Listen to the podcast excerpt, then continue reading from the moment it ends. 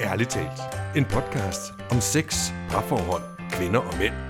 Med seksologerne Linda Moos Hansen, Mette Hertz og Michael Frey. Hej, og velkommen til podcasten Ærligt Talt. Det er mig, Linda, der byder velkommen i dag, og jeg sidder her sammen med Michael Frey, og så har vi Mette Hertz. Uh.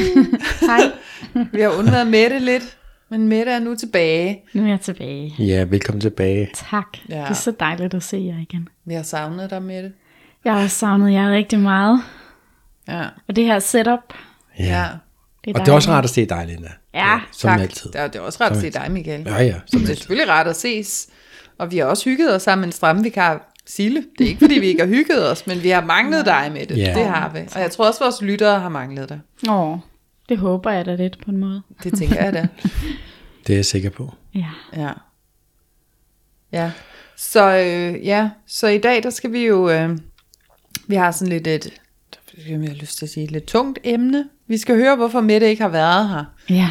i al den tid. Og det har vi jo breaket, men til dem, der ikke har hørt udsendelsen mm. sidste gang, eller forrige gang, hvor vi fortæller, hvorfor Mette ikke har været med. Altså vi skal sige, at Sila har været med de sidste 4-5 gange, ikke? Jo. At Fem du ikke har gange. været med fem gange. Ja. Ja, Ja. Du sagde jo lidt sidst. det Linda. gjorde jeg. Ja. Men jeg tænker, at vi lige så godt kan starte forfra. Ja, Ja. Ja. Ja. Skal jeg, er det, kigger I på mig, fordi jeg ligesom skal fortælle det, eller?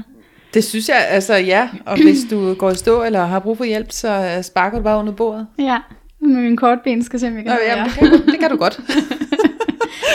Ja, men altså det er jeg, som øh, jer, der har hørt podcasten, nogle afsnit øh, tidligere, ved jo, at jeg har været gravid med lille Viggo.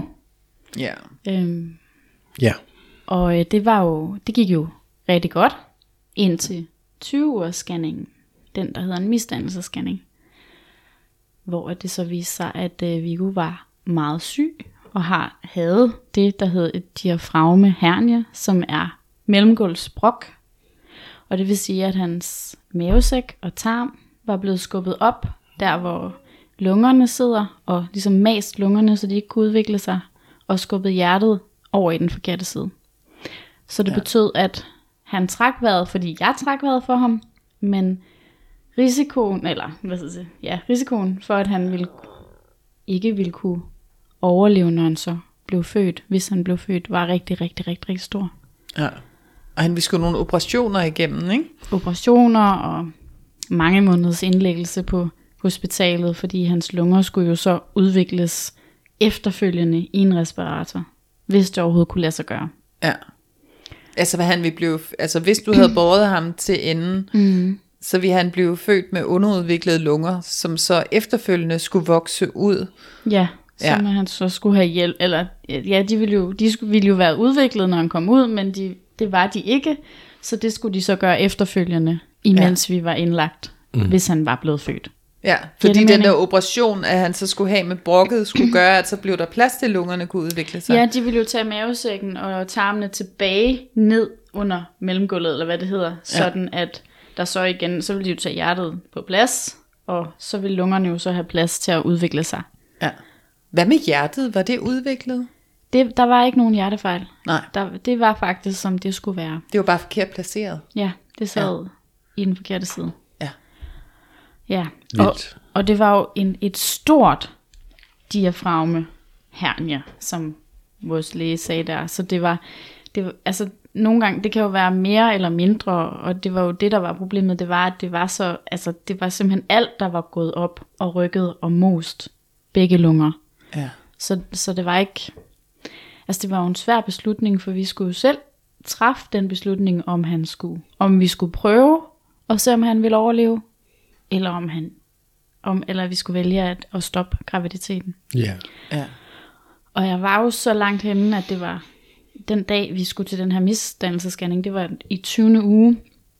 Så det vil sige, at man skal søge om det hos, jeg kan ikke huske, abort Det er etisk råd. etisk råd, ja, om, om lov til at foretage den her senabort, som det hedder. Ja. Hvor han jo så skal fødes på almindelig vis. Ja. Øhm, og, og nogen, altså det er jo ikke ret tit, man ikke får lov til det, fordi at de vil jo ikke råde til det, eller det er ikke fordi, de råder til det, men de vil jo ikke sige det så voldsomt, hvis det, hvis det var noget, hvor at, at der var risiko, eller chance for, at han ville overleve. Nej. Så, så i vores tilfælde sagde han, at vi højst sandsynligt vil få- tilladelse til det. Ja, jeg tænker også, de vil vel ikke overhovedet gå ind i den snak, Nej, hvis ikke det var fordi, at der, altså, der var noget alvorligt galt med det Nej. her barn. Altså, Nej. Og de sendte os til, altså vi var på Rigshospitalet og tale med ham, der ville skulle få, eller en af de kirurger, der skulle foretage den her operation af, øh, af diafragmet og trække mavesæk og tarmene ned igen. Og han var jo mere sådan, det er en mere eller mindre nem operation, og sådan, så lige der, da vi fik det at vide, så var jeg sådan, nå, ej, måske overlever han alligevel, måske er det faktisk ikke så slemt.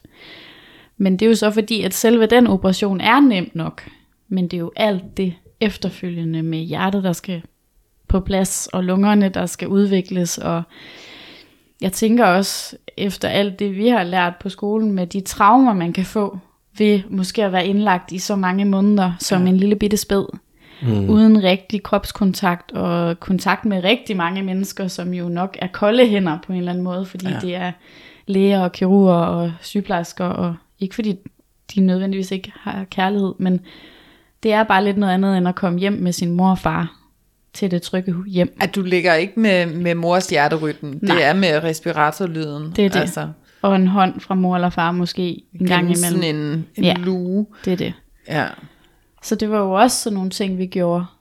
Også tankerne, da vi skulle træffe den her beslutning, for det var jo den mest øh, vilde beslutning at skulle tage, fordi vi får at vide, vi kommer jo glade ind til den her scanning, og er hånd i hånd, og kigger på hinanden, og ej, hvor er det spændende, og det er dejligt, og lige pludselig så bliver hende her sygeplejersken bare helt stille, og skal have en læge ind, og siger, jeg tror, der er, der er noget, hjertet sidder ikke, som det skal, og jeg begynder at græde, og hun siger sådan, nah, men det er ikke sikkert, og, men jeg ser lige, om lægen har tid. Og så siger hun, ja, hun kommer tilbage, og siger hun, der går en time, så har han tid. Så min kæreste og jeg, vi går rundt om videre hospital i sådan en time, og, og går og venter på, at den der læge, og vi går over og tænker, hvad skal vi gøre, og er det det, og jeg prøver at læse om noget. Jeg troede først, det var en hjertefejl, altså mm, fordi hun mm. sagde, at hjertet sad i den forkerte side, så og vi var jo sådan, mens jeg, og min kæreste var helt urolig og tænkte, nej, nej, nej, og jeg prøvede sådan, nej, det er ikke noget, altså det skal de jo sige, og det er jo bare lige rutinecheck, og sådan, der er sikkert ikke noget, fordi jeg var jo begyndt at kunne mærke Viggo i min mave, spark, ja. så jeg tænkte jo, der er jo liv, og der er jo ikke noget galt med ham. Mm. Øhm, og så kommer vi ind, og han scanner nok i næsten en time, hvor han startede med at sige til os, jeg, jeg siger ikke lige så meget, og vi må lige vente med at snakke, til jeg er færdig med at scanne. Og han scanner, og, og vi kan jo ikke se, hvad det er, han kan se. Altså, det er jo bare den der sorte, grå, hvide plet. Mm. Så det var virkelig verdens længste time. Men han gjorde så umage. Og han fortæller så det her med det her diafragme hernia. Øhm, og siger til os med hensyn til etisk råd, og vi skal søge om den abort, men vi skal selv træffe beslutningen. Det siger han i, i første scanning I der. første scanning, han siger, at det ser ud til at være et svært tilfælde. Ja. Så i det her tilfælde. Altså han råder os aldrig til noget, men han er enorm, altså han er virkelig fantastisk, sådan empatisk. Samtidig med, at han også er meget lægenørdet. Ja. Men sådan siger, I skal huske at holde om hinanden, og passe på hinanden, og være der for hinanden, og det er en svær beslutning, I skal igennem, og vi er her for jer, og, og han gav os vores, hans telefonnummer og sådan noget, så ja, det var virkelig sådan meget trygt allerede der, vil Ja. jeg sige. Men, men det går også hurtigt, fordi lige pludselig skal man hjem og træffe en beslutning, som man ikke aner, hvad, hvad Kan man overhovedet sige. huske alle de ting, man har fået at vide, når man kommer hjem? Altså, Nej. du ved, Nej, nej vel? nej. Kunne jeg godt forestille mig. Men er bare sådan, var det det, og hvad var det, og jeg blev ved med at læse det der diafragme hernia, fordi jeg var sådan, jeg skal for evigt huske det her ord, fordi hvis det er det, min lille søn han dør af, eller grunden til, at han ikke bliver født, eller ja, ikke Ja. bliver født levende i hvert fald. Ja. Ja. Og vi, får, vi bruger faktisk en hel uge på at beslutte os, altså hvor vi ender og tale med ham kirurgen, og så vil de så bestille en tid til os til en børnelæge også, for ligesom, at, at vi kan få noget mere viden. Mm. Men i mellemtiden, der læser jeg en bog af Lisa Meisner Kofod, Mm. som hedder Sorg. mit barn. Om at miste et ufødt barn. Okay. Og hun har oplevet faktisk stort set det samme. Det var så bare ryg. øh, Det var noget andet brok, men stadig Ja. øhm, hvor, hun skulle, altså, hvor hun skriver fra, hun skal træffe den her beslutning. Fra de er til scanningen, ligesom vi var, og fra de skal træffe beslutningen til hun føder, til alt. Altså, så jeg læste den her på den her i, på to dage, eller på halvanden dag, eller sådan noget, Mm. som gjorde, at jeg var kommet tættere på den beslutning af, at jeg ikke, ikke fordi hun siger noget, som hun er hverken end, øh, det ene eller det andet, Nej. men det hjalp mig bare til at sådan, både til at vide, hvad kommer der til at ske, hvis vi, hvis vi træffer beslutning om, at han ikke skal leve videre, og hvad betyder det her, og hvad sker der bare under fødslen, og alle de her ting. Mm. Ja. Så den gjorde mig sådan lidt stærk på en eller anden måde. Samtidig var der jo noget med sygemeldinger fra arbejdet, og øh, informationer til jer, og til ens forældre, og til andre familiemedlemmer, og alt det her, som der skulle styr på. Men så var jeg vågnet op mandag morgen, og så var jeg, min kæreste han var mere sikker før mig. Men han havde sag, sagde, hvis nu at jeg gerne ville gennemføre det, så gjorde vi det selvfølgelig. Mm.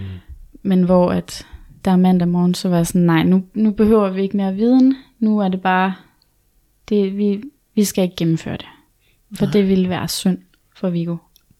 Og det ville også være synd for os Ja. helt egoistisk også.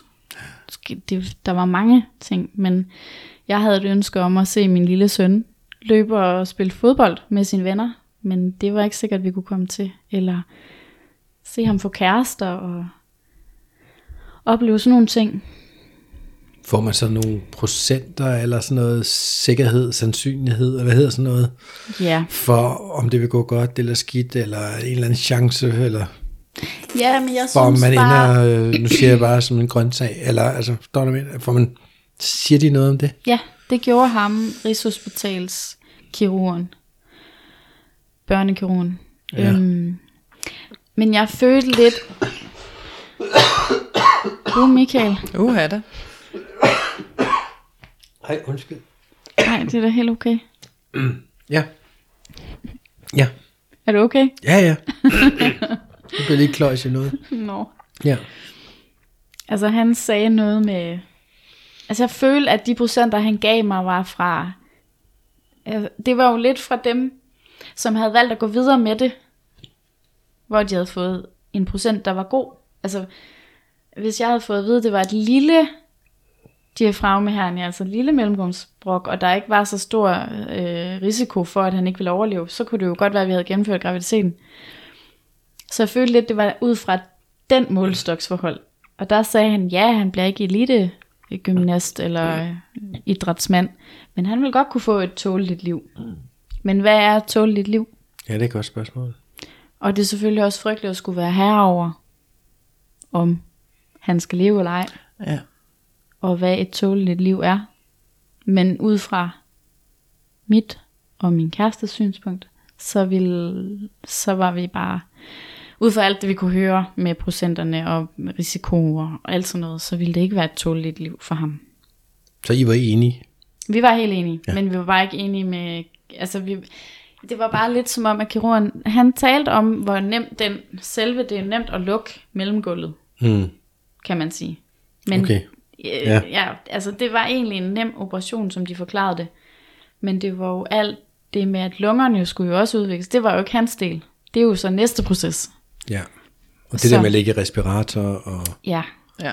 Så ham der lægens, der skulle foretage operationen, hans Kirurgen, del, ja. kirurgen, det har været let. det er piece of cake. Hans det del han har været let. Ja. Ja. Men han har ikke taget med i mente, at, at det her barn i de næste, altså hvad måned var du i der? Fjerde? Ja, altså jeg var den dag, jeg var i 20. uge, den dag vi fik taget scanningen. Åh, oh, det er det der uge noget Ja, der. det, ja. ja, Hvad er det? Er Det er 40, det er halvvejs. det, Næsten jeg, var halvvejs, Det er ja. halvvejs, ja, så det er fire og en halv måned, ikke? Mm. Så de næste fire og en halv måned, så vil hans lunger skulle udvikle sig, men det vil de ikke kunne, fordi Nej. hans indvold var deroppe, hvor lungerne skulle være. Præcis.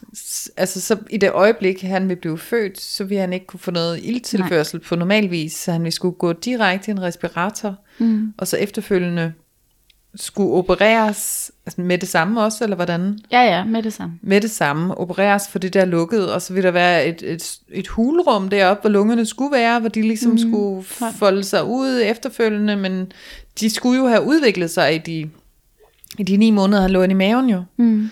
Ja, Mm.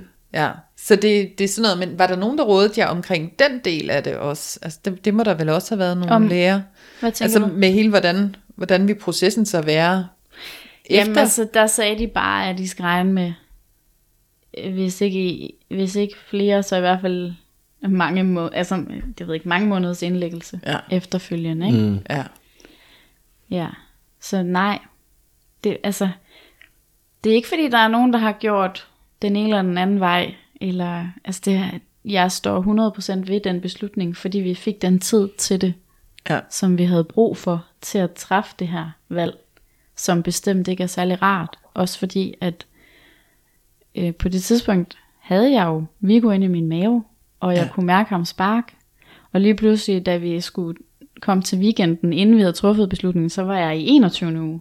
Ja. Så var jeg over halvvejs, Ja. og jeg kunne mærke ham, og Marcel nåede også lige at sætte sine hænder på min mave, og mærke ham sparke. Så det var ret vildt, og, og så skulle gå og nærmest snyde min lille baby. Altså, Ja.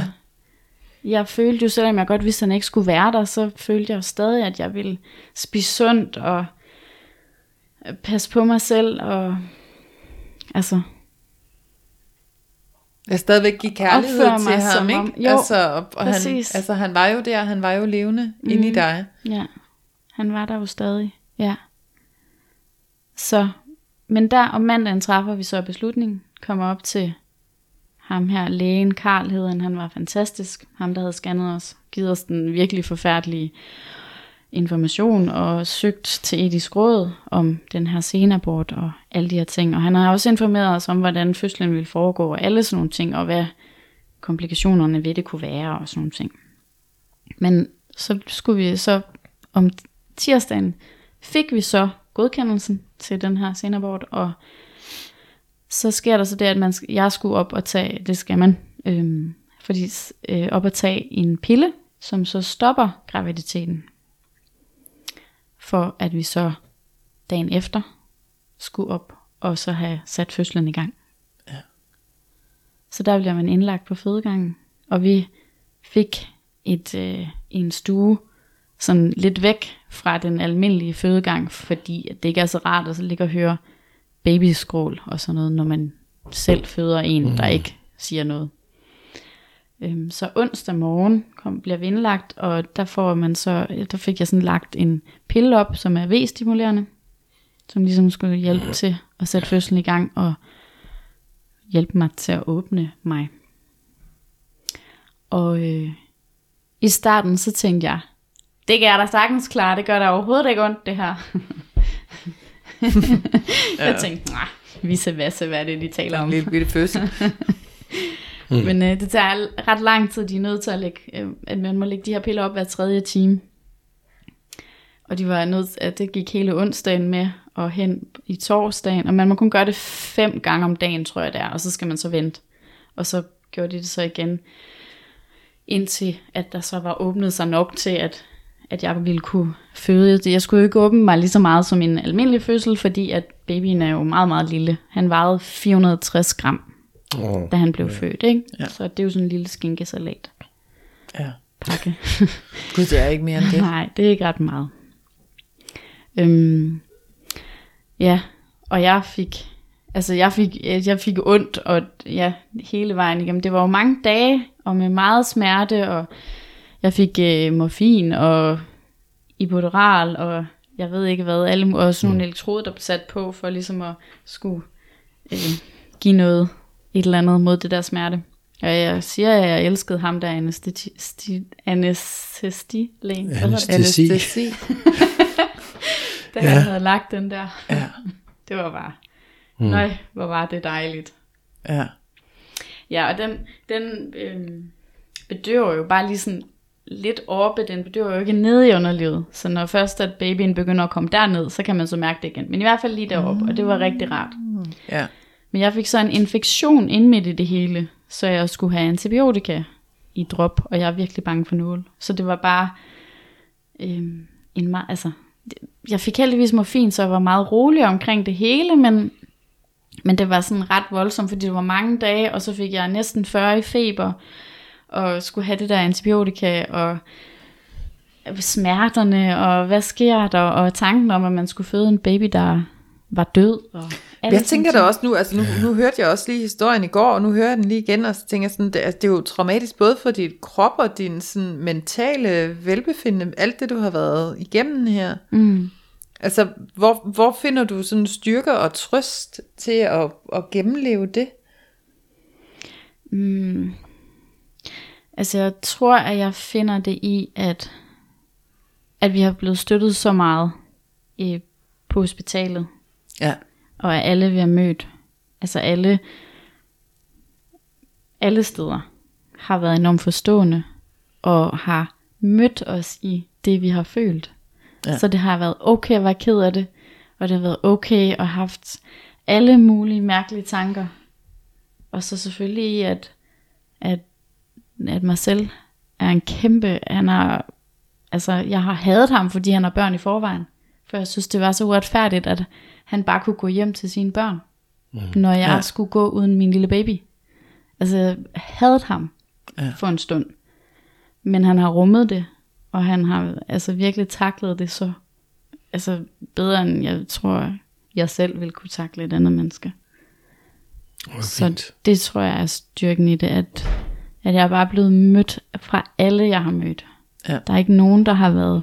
Det kan godt være, at folk siger nogle ting, fordi de beskytter sig selv for smerten, og har nogle sjove spørgsmål, men som vi også talte om før vi startede optageren, det der med, at altså, det værst tænkelige er jo en sket, så man kan næsten ikke spørge om noget, der er, er slemt, fordi, og for mig healer det at snakke om, Ja. og jeg har fået lov til at snakke om det alle mulige steder. Ja. Og det, det er jo så for mig. Der kan være nogen, der ikke vil tale om det, men jeg vil gerne. Ja. Og jeg synes, det er virkelig vigtigt, også fordi jeg kunne ikke rigtig finde noget sådan information om. Jo, måske efterfølgende, eller altså sådan, om hvad der sker bagefter. Sådan noget. Men det der med, at, at nu fandt jeg den der bog, at jeg kunne have en, der ligesom var ved siden af mig og, tage, og, og sådan kunne guide mig igennem det. Det var bare så vigtigt. Men Fordi... det var i beslutningsprocessen, at den bog var rigtig god for. Ja. Ja. ja, ja, og jeg tror også, den bliver god igen. Jeg har ikke læst den efterfølgende, men det vil jeg helt sikkert.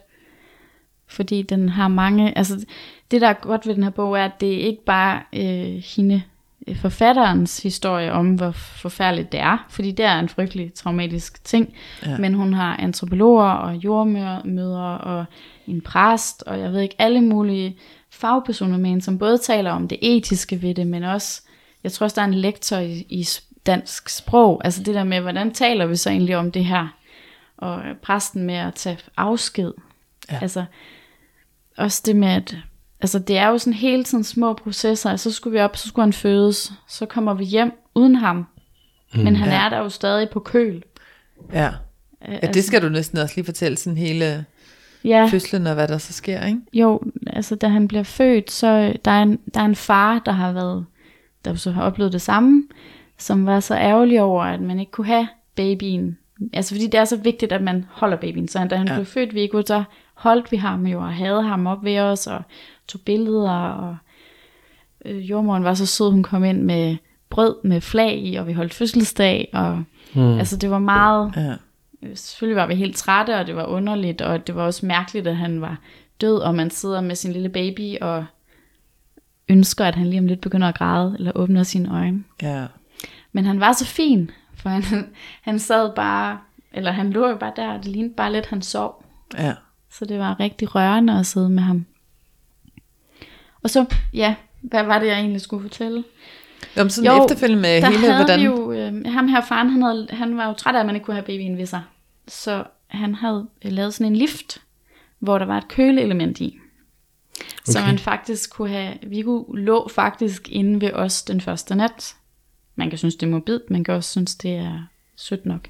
Men han var der i hvert fald den første nat, fordi han, var, han kunne være på køl ved siden af os. Så da jeg vågnede dagen efter, så var han der. Ja. Og så kunne man ligesom sige godmorgen til ham.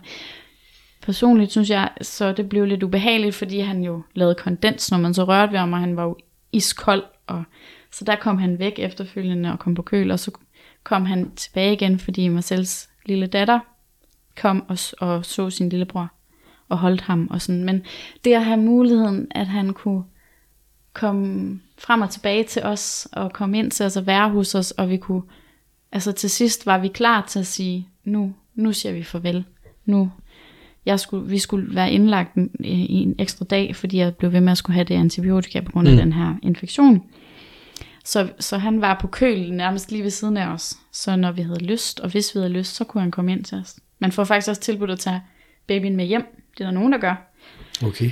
Øhm, det havde vi ikke lyst til, fordi det ja. kunne jeg slet ikke forholde mig til. Mm. Men det var rart det der med, at man kunne sige, okay, nu må du gerne køre ham væk. Men hvis man så fik behovet for at se ham igen, så, så var de bare lynhurtigt til at sige, selvfølgelig, vi finder ham lige. Ja. Øhm, ja. Og der var de der sygeplejersker derude, altså de var fantastiske. De, det kan godt være, at det virker underligt, men når man er der, så er det bare ens lille baby. Så det var så dejligt, når de stod og ad ham på kinden og sagde, hvor er han smuk, og hvor er han sød, og hvor er mm. det lille Vigo, og de talte om ham som Vigo, fordi han var jo også, altså, lille baby. Ja. Så hvis nu der var nogen, der lytter med, der står i den samme situation, vil du så klart anbefale, at det der med, at man skal 100%. holde sit barn og Ja. lige bruge lidt tid Ja. med, med den, han, Ja. hun. Ja. Jeg ved ikke, hvad man kalder den. Nej, det er også noget. Ja, hvis det, altså selvfølgelig er der nogen, der tænker, nej, det har jeg slet ikke lyst til, så skal man selvfølgelig ikke tvinge sig selv til det, men Mm. hvis man bare på nogen måde har en tvivl. Altså jeg synes, Marcels datter, hun sagde det på sådan en god måde, hun var sådan, jeg ved jo nok godt, at det kommer til at blive lidt ubehageligt, men jeg tror også, jeg vil komme til at fortryde, hvis jeg ikke gjorde det. Ja. Og det synes jeg var så fint sagt, fordi Mm. Det er da ikke sjovt at sidde med en kold baby, fordi en baby skal være varm og sige små søde lyde og være ja. blød. Den skal Ja, ikke lave ja. kondens og være helt kold og stille. Så, men, men det vil jeg sige, og jeg synes heller ikke, man skal være, det sagde de også inde på øh, hospitalet, det med, at de havde jo også erfaring med, at også det med, at mindre søskende, eller, eller større søskende, er det jo så, Ja. skal altså gerne må komme ind og sige hej. Ja. Fordi det er sådan, det er ligesom, det tager lidt af det der, mystikken af det. Altså, og det, det var jo en lille baby, det var din lille søster eller din lille bror. Og de har været der. Ja. Og så er det måske også nemmere at forstå, altså nu har jeg jo ikke nogen børn, men, men hvis man har børn, og, og man kommer ud for det, så er det nok også nemmere at forstå for de små børn, hvorfor er mor og far ked af det. Ja. Fordi så har de set Mm. Den Ja. her lille Også det der med ikke at skåne børnene, altså så, så kan man godt have den der intention om, "Nå, men den tager vi, det er vores sorg, det skal vi ikke over på barnet, men mm. altså, de, de kan jo mærke, der er noget mm. alligevel. Og, Selvfølgelig. og hvis, man, altså, hvis man så selv får lov til også at holde lillebror og sådan Mm. selv have en del af den sorg, så tænker jeg, at den bliver lettere at være i, Det end at være jeg. i nogen, der er i sorg, man bare skal kigge på, men hvor man ikke sådan rigtig er med i det. Præcis. Ja, Og plus det var også helende for mig, at, at øh, Marcels datter har set ham. Fordi så blev han lidt mere ægte. Ja. For mig også. Altså, og, og det gav ligesom et bånd imellem mig og hende, synes jeg. Fordi nu havde hun set ham. Ja. Så hun vidste godt, at han har faktisk været der. Det var jo ikke bare noget. nej. Altså, Og det var hendes lillebror. det var hans lillebror. Ja. Skulle I så selv beslutte, hvornår I ikke ville se Viggo mere? Ja, fordi øh, ja, i princippet selvfølgelig på et tidspunkt skulle han jo så, vi havde valgt at få ham sige ja til, at han skulle obduceres, Ja. inden han skulle brændes. Øhm, så da vi tog fra hospitalet, ville vi sagtens kunne komme tilbage og sige, at vi vil gerne se ham. Også når han kom hen på kapellet, der ville han også være på køl, indtil han blev brændt. Så vi ville faktisk kunne ringe til dem og sige, at vi vil gerne lige se ham en gang, en gang mere. Ja. Hele tiden, hele vejen. Og det er jo også vigtigt at sige, at der er jo den her regel, juridiske regel, for jeg har jo været så øh, heldig, eller hvad man kan sige, i det her, at Viggo han lige præcis blev født. Det trak så meget ud, at han blev 22 uger, hvilket betyder, at jeg har fået, altså jeg får barselsårlov eller soveårlov i 14 uger. Okay. Var han blevet født dagen før, så havde jeg ikke lov til det. Og det, altså fordi, Skulle det gøre sorgen mindre? Eller? det er nemlig det, men det er jo så for at have en skillelinje fra, hvornår er barnet et foster, og hvornår, eller øh, en, en, mm. en, et barn, og hvornår er det ikke et barn. Ja. Så han blev så et barn lige i løbet af den nat. Og det er jo lidt frygteligt, at det er sådan, fordi det gør, vi ville jo ikke have været mindre kede af det om torsdagen. Nej. Og faren har jo også lov til de 14 ugers øhm, soveorlov efter de 22 uger. Det der så skiller, det er, at før de 22 uger, der er det så hospitalet, der står for begravelsen. Vi kan også vælge at sige, at vi vil ikke have noget, men det er hospitalet, der står for begravelsen. Mm. Lige snart det kommer over de 22 uger, så står forældrene selv for det. Okay. Ja.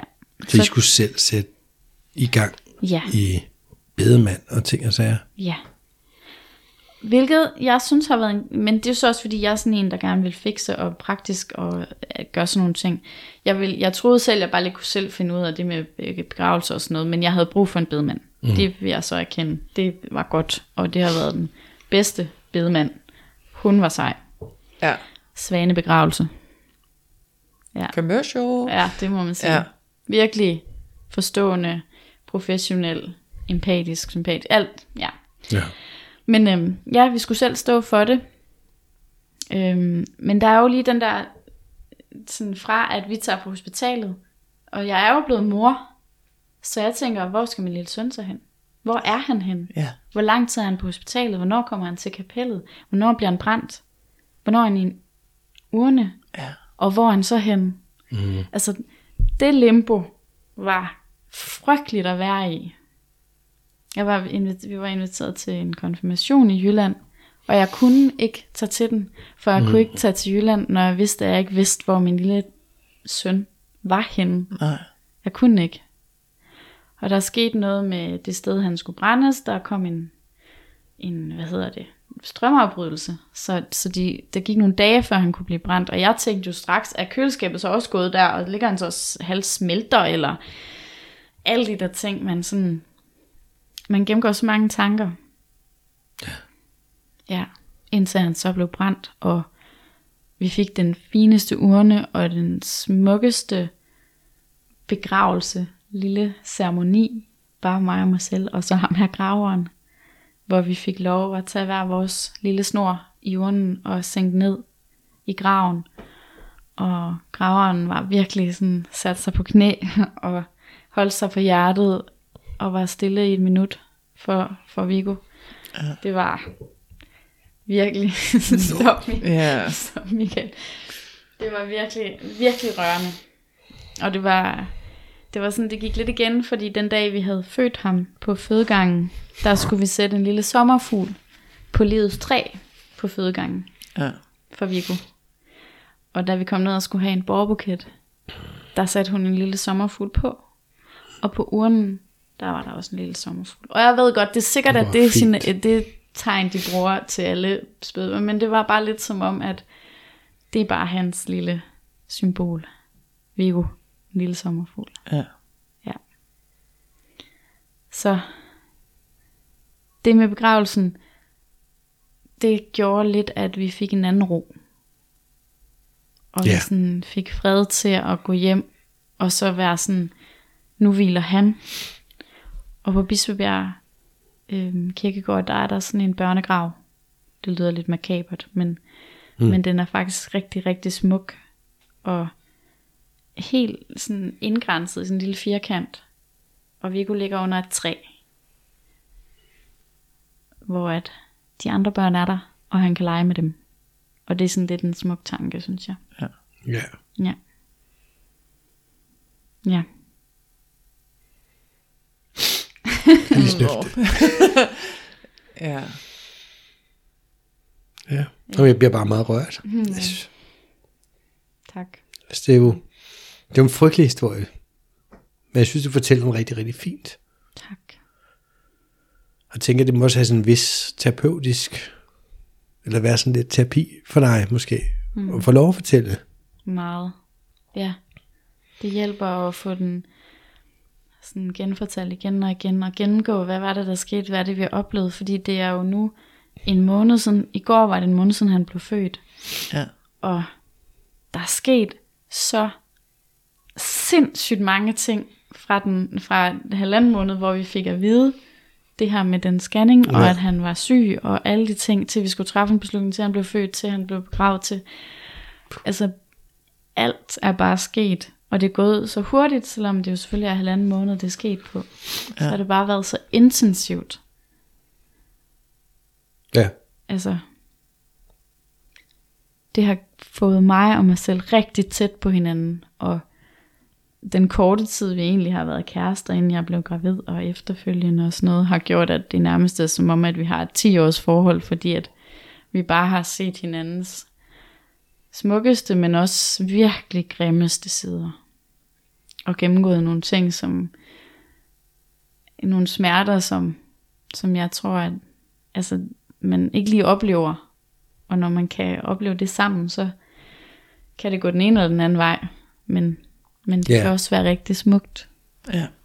når man kan det sammen. Men det kræver virkelig også, at man sådan giver plads til hinandens følelser, som er forskellige. Ja. Ikke at, nu siger jeg det som om, jeg har været mega god til at give plads til hans følelser. Det har jeg ikke. Slet ikke. Men Og det er da godt, du sætter klar. fuldstændig.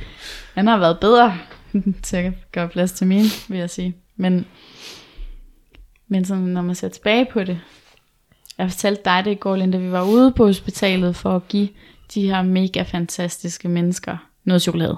ja. For at sige tak, fordi de havde taget sig så godt af os. Og øhm, da vi kom derud, så havde jeg enormt meget lyst til at være der, fordi det var så trygt. Det Ja. var sådan et sted, jeg havde lyst til at blive lidt længere tid, og lige snakke lidt med dem. Ja. Men Marcel han var allerede på vej videre, og sådan nærmest trykket i min hånd, mens jeg stod sådan halvvejs med den ene fod ind, og den anden ude. og så blev jeg sådan lidt seriøst sur på ham i første omgang, hvor han, men hvor jeg sådan kom til at tænke på, jamen det var så hans følelser, Ja. Og de andre var mine, hvorfor var mine mere rigtige end hans var? Mm. Hvor at det sådan gav mig en følelse af, eller sådan, det fik mig til at vågne lidt op i, at mine følelser, bare fordi jeg er moren, der har haft det her lille barn inde i maven, er ikke nødvendigvis mere rigtige. Så man skal også bare lige huske, at der er også en far Ja. i det. Ja. Ja. Og give plads til det der med, at man oplever sorgen forskelligt, altså at man, altså så bearbejder du din på en måde, og det mm. kan du ikke pådute ham, at det skal være på samme måde. Præcis. Men hvad så, jeg synes du også, du vil gerne sådan lidt fortælle lidt om sådan noget, hvad gør det ved ens parforhold, Ja. at man har den her oplevelse, altså, nu er det jo selvfølgelig ikke så lang tid siden, og der vil, jeg tænker også, at I er ikke færdige med det her, det er noget, vi kan komme til at vende tilbage til også, fordi vi er jo kun i startfasen af, af Ja, ja. bearbejdningen af sorgen, tænker jeg da. Ja, på en måde.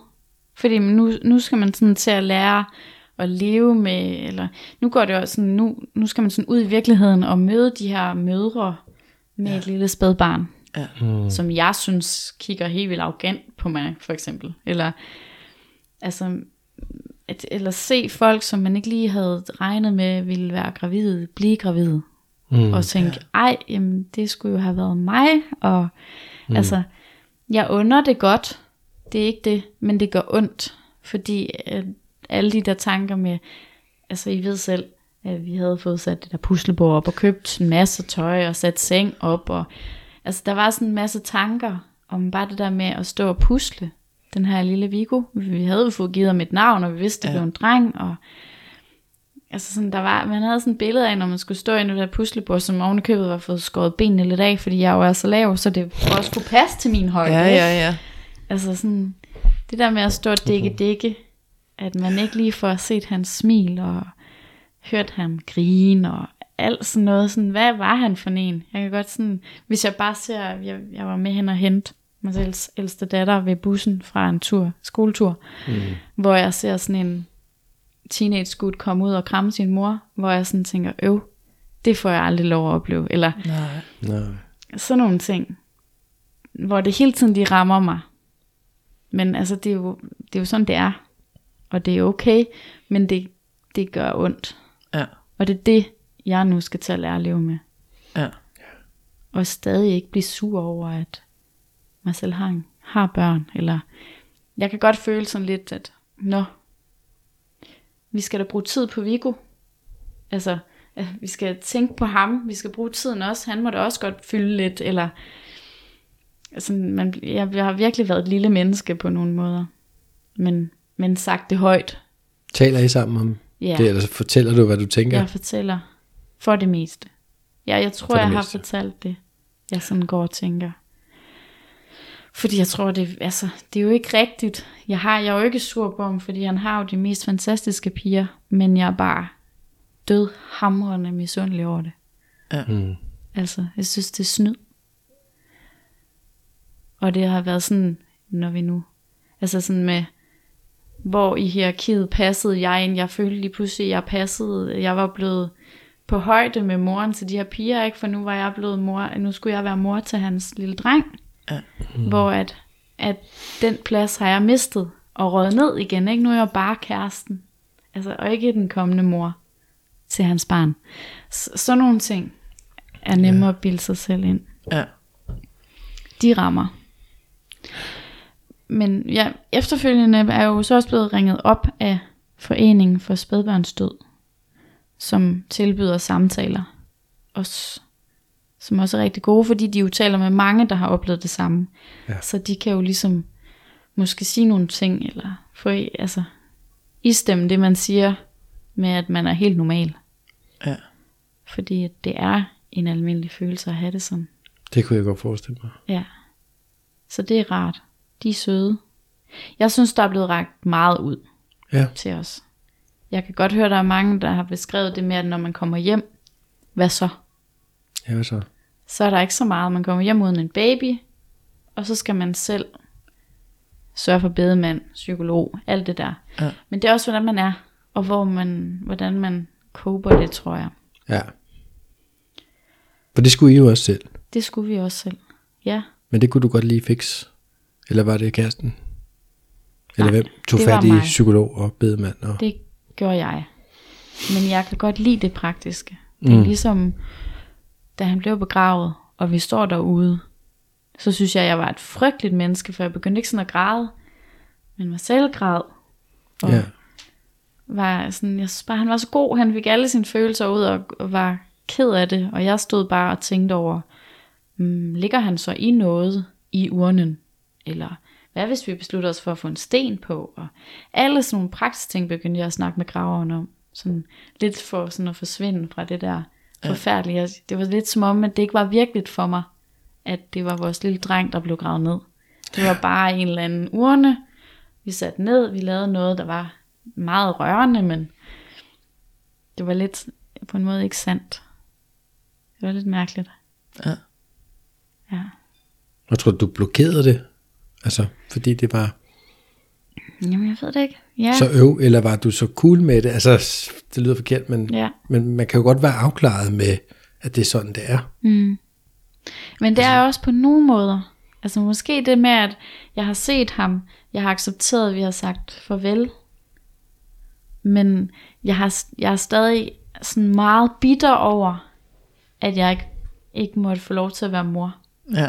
Altså, der Jeg er, tænker, jeg tænker meget, det du beskriver det her, det er jo også en eller anden form for coping-mekanisme. Så, Ja. så fikser du lige. Ja, I stedet for lige at gå ind i min sorg og stå og græde og være helt ødelagt og slet ikke kunne overskue noget som helst, og alt er gået i stykker, og jeg skulle have været mor, mm. så fikser jeg lige. Jeg fikser lige den der bedemand, det kan jeg sagtens. Jeg fikser bare lige ditten, dutten, datten. Mm. Og jeg har lige ringet til en psykolog, og jeg har lige fikset ovnen imens, og så det hele det kører. Ikke at det hele det kører, men you know, mm. altså, at det, det kan jo også være sådan en, så, så går jeg ind i et fixer mode, i stedet Ja. for at gå ind i min sorg. ja. Jamen helt sikkert. Ja. Jeg tror, det er en blanding af det. At, at jeg er sådan god til at hellere ville trøste, end at blive trøstet. Ja. Og så, så finder jeg ud af det. Men altså, jeg er ikke sådan gået ned, ned. Men jeg er helt sikker på, at... Øh, altså ligesom da vi havde talt i går, Linda, og jeg ligesom havde fortalt historien en gang til dig, blev jeg jo rigtig sådan ked af det. Men det føles ikke som om, det var decideret det, jeg blev ked af. Jeg blev bare mm. ked af det. Ja. Og træt, og fik tanker om, at, at nu vil jeg sikkert også blive forladt. Og Ja. ja, sådan nogle ting. Altså man gennemgår virkelig mange følelser, og der er mange ting, jeg ikke kan huske. Og jeg tror, mm. hvis jeg skulle fortælle den her historie om et halvt år, ville det være nogle helt andre ting, jeg vil have fokus på. Fordi lige nu har jeg fokus på sådan at fortælle den meget i kronologisk, øh, hvad hedder det, Rækkefølge. rækkefølge, Ja. tak. Mm. Og sådan, det skete der, og så skete der det her, og det var derfor, og han havde det her, og det var grunden. Hvor at, at der er mange ting, jeg ikke kan huske overhovedet. Ja. Fordi jeg bare, altså fordi det, har, det er jo på en eller anden måde sådan en traumatisk oplevelse. At der er nogle ting, jeg har blokeret. Men andre ting tror jeg også, jeg er ok med. Ja. Jeg er ok med den beslutning, vi har truffet. Ja. Fordi jeg føler helt inde i mit hjerte, at det var det, der var bedst for Viggo. Ja. Er der noget, I ville have gjort anderledes? Jeg tror ikke, der var noget, vi kunne gøre anderledes. Nej. Det tror jeg ikke. Altså, I ved jo, jeg blev jo tjekket sindssygt mange gange, fordi jeg jo nærmest ikke altså scannet og i starten af graviditeten, fordi jeg jo ikke troede rigtigt, jeg var gravid, fordi jeg tænkte, nej, det skulle jeg være det. Ja, du var jo næsten scannet en gang om ugen. Hver Ja. gang vi lavede Ja. podcast, så var det Præcis. nærmest. Ja, nærmest næsten, ikke? Så, Men der kan man ikke se sådan noget. nej. Altså, Nå, det- der er der bare konstateret, at der er en kalorie derinde, Ja, og det var jo og også... hjertet slår. måske på, altså det var jo på sådan en gynækologisk klinik, altså sådan en klinik, hvor man betaler for scanningerne, ikke? Så det var 12 ugers scanningen inde på Hvidovre Hospital, hvor det var en rigtig, men der ville de ikke kunne se, de ville se det i 15. og 16. uge. Okay. Og sådan en får man, hvis jeg nu bliver gravid igen, jamen så vil jeg få tilbudt nogle flere scanninger tidligere, hvor de vil holde Ja. yderligere øje med det. Fordi ja. det er jo klart, at der er jo så også det, hvad så hvis jeg blev gravid igen? Hvordan ville de ni måneder være? Vil man være bange, eller vil jeg overhovedet ture at blive gravid igen?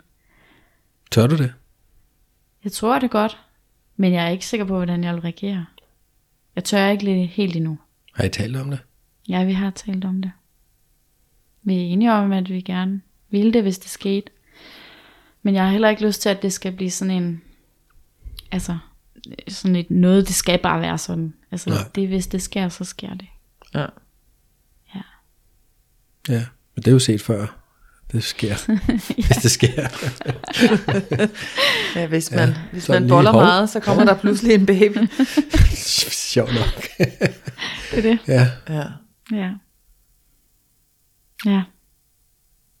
Ja, men jeg, altså, jeg glæder mig meget til sådan at følge dit sådan videre, nu hvor du skal gå til psykolog og sådan have bearbejdet den her, altså nu, du har lige været oplevelsen igen, vi har lige hørt om oplevelsen, men, men jeg tænker helt klart, at der vil komme noget sådan efterspil Mm. i hvordan, at du sådan synes, du har reageret og, og fået en reaktion på din reaktion, eller hvad man skal sige, og, og sådan begynde at tænke over sådan metatænke sig selv i situationen. Mm. Altså sådan noget vil du komme til at skulle Ja, gennemleve sikkert. nu, ikke? Og jeg er rigtig glad for at høre, at du har fået så mange psykologtimer tildelt. Altså, Ja, altså det synes jeg virkelig er flot. det er så flot. Altså det, ja, og jeg synes også, det er meget flot det med, at jeg har fået de her 14 ugers barselsoverlov, skråstreg soveoverlov. Ja. Altså at der er mulighed for, altså man behøver jo ikke at bruge det, men det at have muligheden for at kunne, altså ikke, altså det kommer også an på, hvilket job man har, tror jeg. Men altså jeg har meget kontakt med mennesker i mit job, og det, det, det har jeg ikke brug for lige nu. Men også at du tillader dig selv at, at, at være stille og mm. sætte dig ned og Ja. mærke efter, hvad er det, jeg har oplevet, i stedet for, Nå, nu, hvad, jeg ved ikke, hvad du har fået ellers. Fire uger, otte uger. Ja, Hvis bare du jeg havde fået en, en abort, altså hvis det havde været Jeg tror, det tidligere, er ikke? 14 dage. Ej, så 14 skal man dage. så være sygemeldt, ikke? Ja, men så er der noget sygemelding, så er der et eller andet pres over, nu er jeg sygemeldt og bla bla. Ja. Altså, du har sådan ret meget ro på til at sætte dig ned Ja, og reflektere over, hvad er det, jeg har oplevet. det er det. Og, og, og velvidende, at det er ikke sikkert, det rammer dig med det samme. Altså, du, du, altså jeg siger ikke, du er gået i en choktilstand, men altså, du er meget rolig, vil jeg sige. Du er super rolig. Ja, men jeg har Og også så- været det hele vejen. Ja. Det er meget... Men jeg tror, at jeg er god til at putte en maske på, når jeg skal, og så er det så måske mig selv, der får maskefaldet, eller hvad man siger. ja. når den ryger Ja, det, Altså- og det er så det med parforholdet, ikke? Ja. At, at der skal man virkelig være der og rumme, at, at man reagerer forskelligt. Ja, ja. og også, altså jeg, jeg, jeg takker lidt også vores uddannelse. Ja. Fordi jeg tror, at den, at det kunne også være en anden uddannelse, men nu er det lige præcis den her uddannelse, jeg har taget. Med alt det her selvværdsarbejde, og sådan noget med, altså vi har lært mange ting i, hvordan vi reagerer, så når jeg har reageret, det kan godt være, at jeg ikke har reageret hensigtsmæssigt overhovedet, men bagefter har jeg kunne reflektere over det, og Ja. kunne forstå, eller kunne forklare, eller i hvert fald på nogen måde sådan, taget hånd om det, ja. når det er sket. Ja.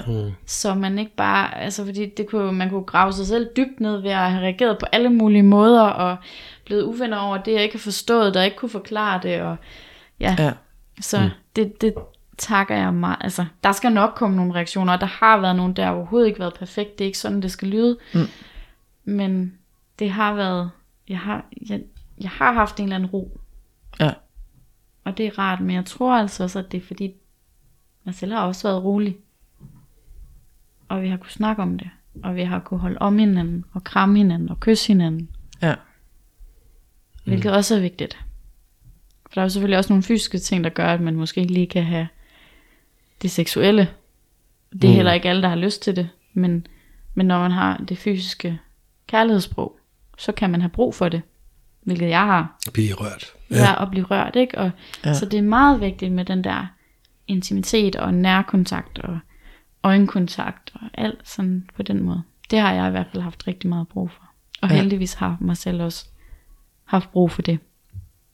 Så der har vi kunne kommunikere, og det er også rart at komme væk. For det er, altså, når man er sådan intim sammen, så, så kommer man ligesom væk lidt fra det dårlige, og snapper ud af det, og har en dejlig følelse, hvilket også er godt. Ja, kommer ud af hovedet, ikke? Det er noget mere lige krop. netop. Tak. Ja. ja. Mm. Og det er jo ikke alt, det hjælper for, men det i hvert fald har fungeret for mig. Ja, Og jeg tror, det også er vigtigt f- at, i hvert fald at sørge for connection, og have den, Ja. Når man sådan tænker parforhold i sådan en omgang her. Ja. Og sådan er det jo i mange kriser. Det er jo ikke bare den her krise, men i mange kriser, at man skal sørge for at kommunikere, ja, tænker jeg. det tænker jeg, du har ret i.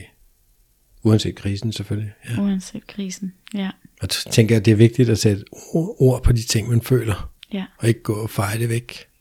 Ja, ikke holde det inde. Og altså lytte til hinanden og måske forstå, at selvom man ikke reagerer på samme måde, eller har den samme måde at takle det på, så er det okay.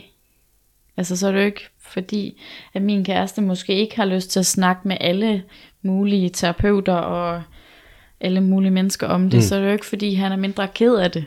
Mm. Men han gør det bare på en anden måde. Han er det på sin måde. Ja. ja. Hvor jeg har enormt meget behov for at tale om det. Og jeg synes, jeg håber også, at nu ved jeg jo godt, det bare har været en fortælling om min historie, men at hvis, hvis bare det, at der er nogen, der kan bruge det lidt, ligesom at Lisa, som skrev den her bog, som jeg har læst, har skrevet sin historie, Ja. som hjalp mig, så tænker jeg bare, hvis, ja, fordi det er ikke en behagelig oplevelse overhovedet, men den kan i hvert fald blive nemmere. Kan man sige det? Eller i hvert fald Altså, jeg Ja, også om det der det, at eller? vide, at der er andre. Du er ikke, du er ikke alene i det her. Ja, Ja, okay, ja. ja. Og man kan, jo reagere, man kan jo reagere på det på forskellige måder. Nu er jeg en fixer, der går ud og så skal lave praktiske ting. Jeg gik også hjem og ryddede, øh, gjorde rent nærmest dagen efter jeg kom hjem fra hospitalet, fordi det var noget, der klædede mit hoved. Men det kan jo også være, at man har lyst til at gå hjem og så se øh, Games of Thrones, eller hvad hedder den, hele alle Ja. de der mange serier, og bare kun ligge der og ikke stå ud af sengen i mange dage. Ja. Mm. Det, det er jo forskelligt, så det er jo ikke fordi, at jeg har gjort det på nogen rigtig måde. Mm. Det er bare min måde. Du har lyttet til dig selv, ikke? Ja. og så gjort det, som der føles rigtigt for dig. Ja. Ja. Og stadig holdt mig i gang, hvilket jeg tror er vigtigt. Altså, så man ikke helt synker ned ja. i det. Fordi det er virkelig frygteligt, og det gør ondt, og de første dage, når jeg kom hjem, hver evig eneste morgen, så, øh, så græd jeg. Altså fordi det var som om, at jeg blev mindet om det, hver gang jeg vågnede. Det var forfærdeligt at vågne om morgenen. havde ligesom glemt det i løbet af natten. Ja. Og så vågner jeg og kommer i tanke om det, og bare græd, og bare tænkte, at der er jo ikke nogen mening overhovedet med, at jeg skal være i live. Ikke at jeg var øh, selvmordstru på den måde, men jeg kunne bare simpelthen ikke se fidusen i, at, at livet, at der var jo ikke nogen mening med det, mm. på nogen måde. Og jeg synes, at jeg, jeg, jeg synes bare, at alle mennesker var besværlige at tale med, og jeg kunne ikke gå uden for en dør, fordi jeg tænkte, at jeg kunne ikke overskue at skulle konfronteres. Mm. Jeg mødte en, øh, som bor her tæt på, hvor jeg bor, som bare havde hørt, at jeg var gravid, men ikke hørt efterfølgende. Så hun siger jo selvfølgelig bare, ej, tillykke, jeg hører, du er gravid.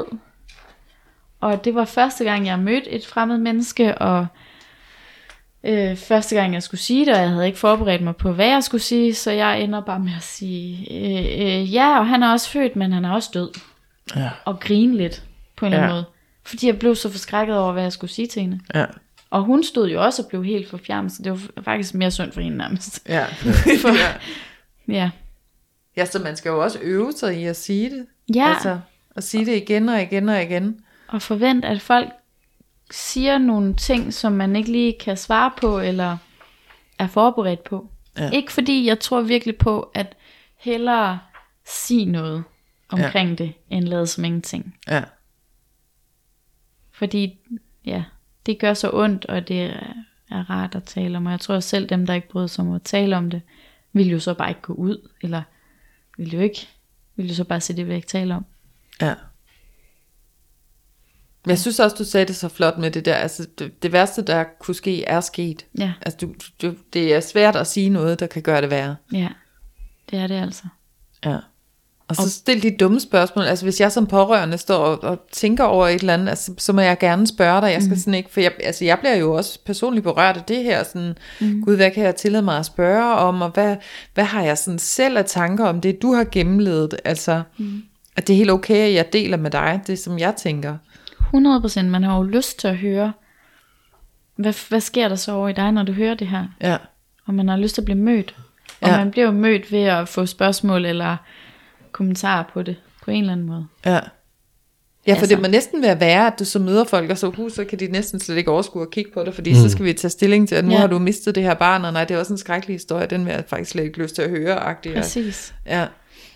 Det, det er faktisk, ja, det er værre, fordi så er det ja, så, så bliver det hele bare usagt, og sådan nogle flakkende øjenkontakter, og sådan noget Mm. meget kikset situation. Ja, Håber ikke, hun siger noget til mig. Ja. Så er jeg nødt til at spørge. Ja, også det der med, at, at han eksisterede, altså, at- altså du, du har født et barn, ja, han var død, men altså, du var gravid, du har født et barn. Jeg fødte et lille barn. Ja, Mm. Han var meget lille, ja. men han var der. Han har været der. Og han var levende inde i min mave. Ja. Det var, han ikke var levende, da han kom ud. Men han var levende i min mave. Ja. ja. Du sagde også til os, at du gerne vil fortælle den her historie. Mm. Fordi der ikke var ret meget at finde derude omkring det. ja Altså, du fandt den der ikke- bog, sagde du på det tidspunkt. Og det var sådan lidt det. Ja, Og så har du måske fundet et par andre små ting, men Ja, men ikke, ikke sådan...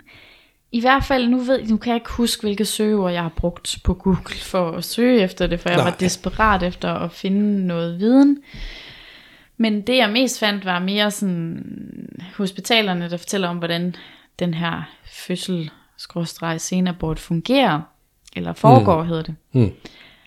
Men, og så, ja, og efterfølgende har jeg fået nogle, nogle der har tilsendt mig nogle forskellige, nogle blogger, eller sådan Instagram-profiler, og sådan, som ikke rigtig var noget for mig, og så var der en podcast, som jeg ikke har hørt endnu, men hvor der også er en, der fortæller om den. Okay. okay. Ja, Så der er lidt derude, Der hvis man sidder i lidt. samme situation. ja, men, men altså som sagt igen, det, det med den her bog er jo, at der, er- det er fra alle vinkler. Ja. Altså både hendes historie, hende forfatterens historie, men også nogle fagpersoner, hvilket også er vigtigt. Det er jo også rart at få nogle, altså alle mulige ja, ja, ja, synsvinkler på, fordi det er jo fint nok at høre min historie, og, og den så håber jeg også, man kan bruge til noget, men også det der med, at, at man tager nogle helt andre vinkler med ind. Mm. For eksempel det med farvelet, og altså begravelse og sådan noget, hvor, hvordan det egentlig kan være vigtigt, i stedet for at man står midt imellem, at man så kommer over på den anden side på en måde. Ja. Ja. Det kan være, at vi skulle linke til den bog måske. Ja, Ja. Ind på vores Facebook-side ja, og på vores Instagram måske. det vil jeg gøre. Ja. Eller det vil vi gøre. Det gør vi. Det Ja. gør vi. Ej, det har været en øh, spændende historie, Ja. som jeg synes godt nok også den er tung. Altså, det er meget stærkt fortalt. Altså virkelig, Ja. hold da op. Det er meget beundringsværdigt. Tak, fordi I ville høre den. altså jeg er overrasket over, at du mig. kunne være så... Altså, du var fattet altså, og, og rolig af den måde, du kan fortælle det på. Jeg sidder her over kronisk våd, og jeg bare... Ja. Puh, jeg synes, det er tungt. Ja. Og Jamen, du jeg må er gerne få stolt af en. Viggo. Skal jeg få en? Kleenex Ja. Jeg er stolt af Viggo og hans Ja. yeah. historie, og jeg, jeg er også okay med den. Men jeg er også god til at putte maske på. ja. Altså, Ja, og det, det skal vi også lige huske at sparke til. Og det, du behøver ikke gå i stykker for åben mikrofon, men jeg, jeg vil blive ved med at sparke lidt til dig. ja. Eller sparke skubbe. Nivlet. Ja. Jeg Jamen, skal og nok, jeg skal er nok ikke stille alle de der dumme som om, spørgsmål. at jeg har været falsk i løbet Nej. af den her podcast, for det har jeg ikke. Du er stærk, og det er det, du er. Det er stærke med det, vi ser her. Ja. Men er der bare en lille smule af det der? Men jeg ved ikke, hvor mange gange du har fortalt din historie. Altså, fordi selvfølgelig er der en smerte, og der er nogle ting, man aldrig kommer over. Det kan, man kan blive bedre til at dele med det, men det forsvinder jo ikke. Mm-hmm. Men jeg tænker alligevel, begravelsen kunne ligesom være, ikke- der blev formentlig lukket et kapitel i bogen, og så starter der måske et nyt her, hvor der er noget, der skal bearbejdes. Ikke? Mm. Men nu tænker jeg bare også på vores egen uddannelse, og det der med, som hvad det, Jorden kalder det, rene øh, laner i skabet. Ja. Det der med, at hvis du har været udsat for noget traumatisk, at fortælle mm. historien igen og igen Ja. og igen. Så Ja. til sidst, så kan man altså, så er den sagt så mange gange, at Man den har ikke samme betydning, som Nej. de første mange gange, man fortalte Nej. den. Nej, så, men nu siger altså, jeg noget, der er sådan lidt, det er ikke out of context, men det, nu skubber jeg lidt, men, og det er, ikke, det er ikke det, vi skal snakke om nu, men, men det snakker vi bare om i går, og jeg går ikke mere dybere ind i detaljen, men altså, Mette har været igennem en meget traumatisk oplevelse, hun har faktisk kommet rigtig fint igennem den, og du, ja. det virker til, at du har arbejdet rigtig meget med de ting, men som du sagde til mig i går, så har det jo skubbet til noget andet i dig. Der er noget andet, der er blevet aktiveret, som faktisk ikke har noget at gøre med, at, at Viggo ikke kom til at leve. Mm. At du simpelthen blev reaktiveret af noget gammelt traume. Mm. Og det skal du tage dig af. Ja. Oh, Ja, det er den det er del. guldet i krisen med det. Der kom den. Hvad Vi var lidt det? efter den i går. Det er, at nu kommer den her op igen, og så kan du virkelig tage dig an. Så kan jeg virkelig tage mig en. Ja, Ja. ja, og få øje på. Altså, fordi det er jo det, man siger, ikke? Når man, mm. man går oftest tilbage i sine egne gamle mønstre, når man oplever noget, hvor man ikke, altså, Ja. hvor man, nu kan jeg ikke håndtere det. Jeg har været god til, jeg har virkelig lært meget de sidste mange år. Ja, Mm-hmm. Men, men det er klart, der bliver rykket på det. ja. Men det her skal ikke vælte mig. Det kommer det heller ikke til. Det tror jeg ikke. Jeg tager gerne kampen op. Ja. Jo, jo, og hvad så, om man lige skal dele med noget mønstre fra Helt tidligere? Altså, som, som hvis, vi skal kalde det guldet i grisen, eller i grisen, Mm. Jeg kan godt lide at kalde det grisen. ja, ja. Så, så er det jo, altså, så er det jo om noget, noget, der kan gøre dig stærkere. Og der er virkelig mange ting, som også har, altså, hold da op, hvor har der været mange mennesker omkring mig, som har støttet og været forstående, og altså, Mm. venner og familie, og alt sådan noget. Det er jo også enormt trygt. Ja. Jeg har fået sådan en helt tryg, en anden tillid til min omverden, så der er ikke, ja, det har været forfærdeligt, og jeg ville hellere have Viggo, men Selvfølgelig. der er også nogle ting, der er smukke. Jeg er også blevet tæt på min kæreste. Det er også fantastisk. Ja. Ja. Og så kunne jeg sidde her sammen med jer og fortælle den her historie, og det hele også. Og Ja. det er dejligt. Og det er så dejligt, tak, du fordi I vil lytte med. Altid Ej, det. tak fordi du ville fortælle. Jeg synes, det er så stærkt. Tak. Stor ros. Tak. Vi, nogle gange så starter vi med en dyb vejrtrækning. Jeg tror, jeg har behov for du at slutte af med på en i dag. Kan I mærke det? Ja. Ja. Kan vi lige tage en dyb? Ja. ja.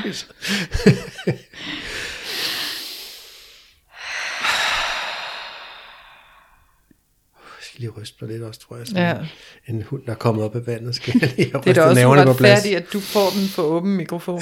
Jeg Ja, 20 første startede og fik historien i går. Ja, Ja. Ja. Ellers havde jeg været, altså så havde jeg slet ikke kunne tale nu. Så havde jeg været meget mere, meget mere våd øje, end der er, Michael. Det er sødt. Ja. Du kunne mærke min smerte. ja. Det kunne hele vejen, føler jeg. Ja. Men tak for i dag. Ja, tak, Tak for i dag. dag. Vi ses. Vi ses.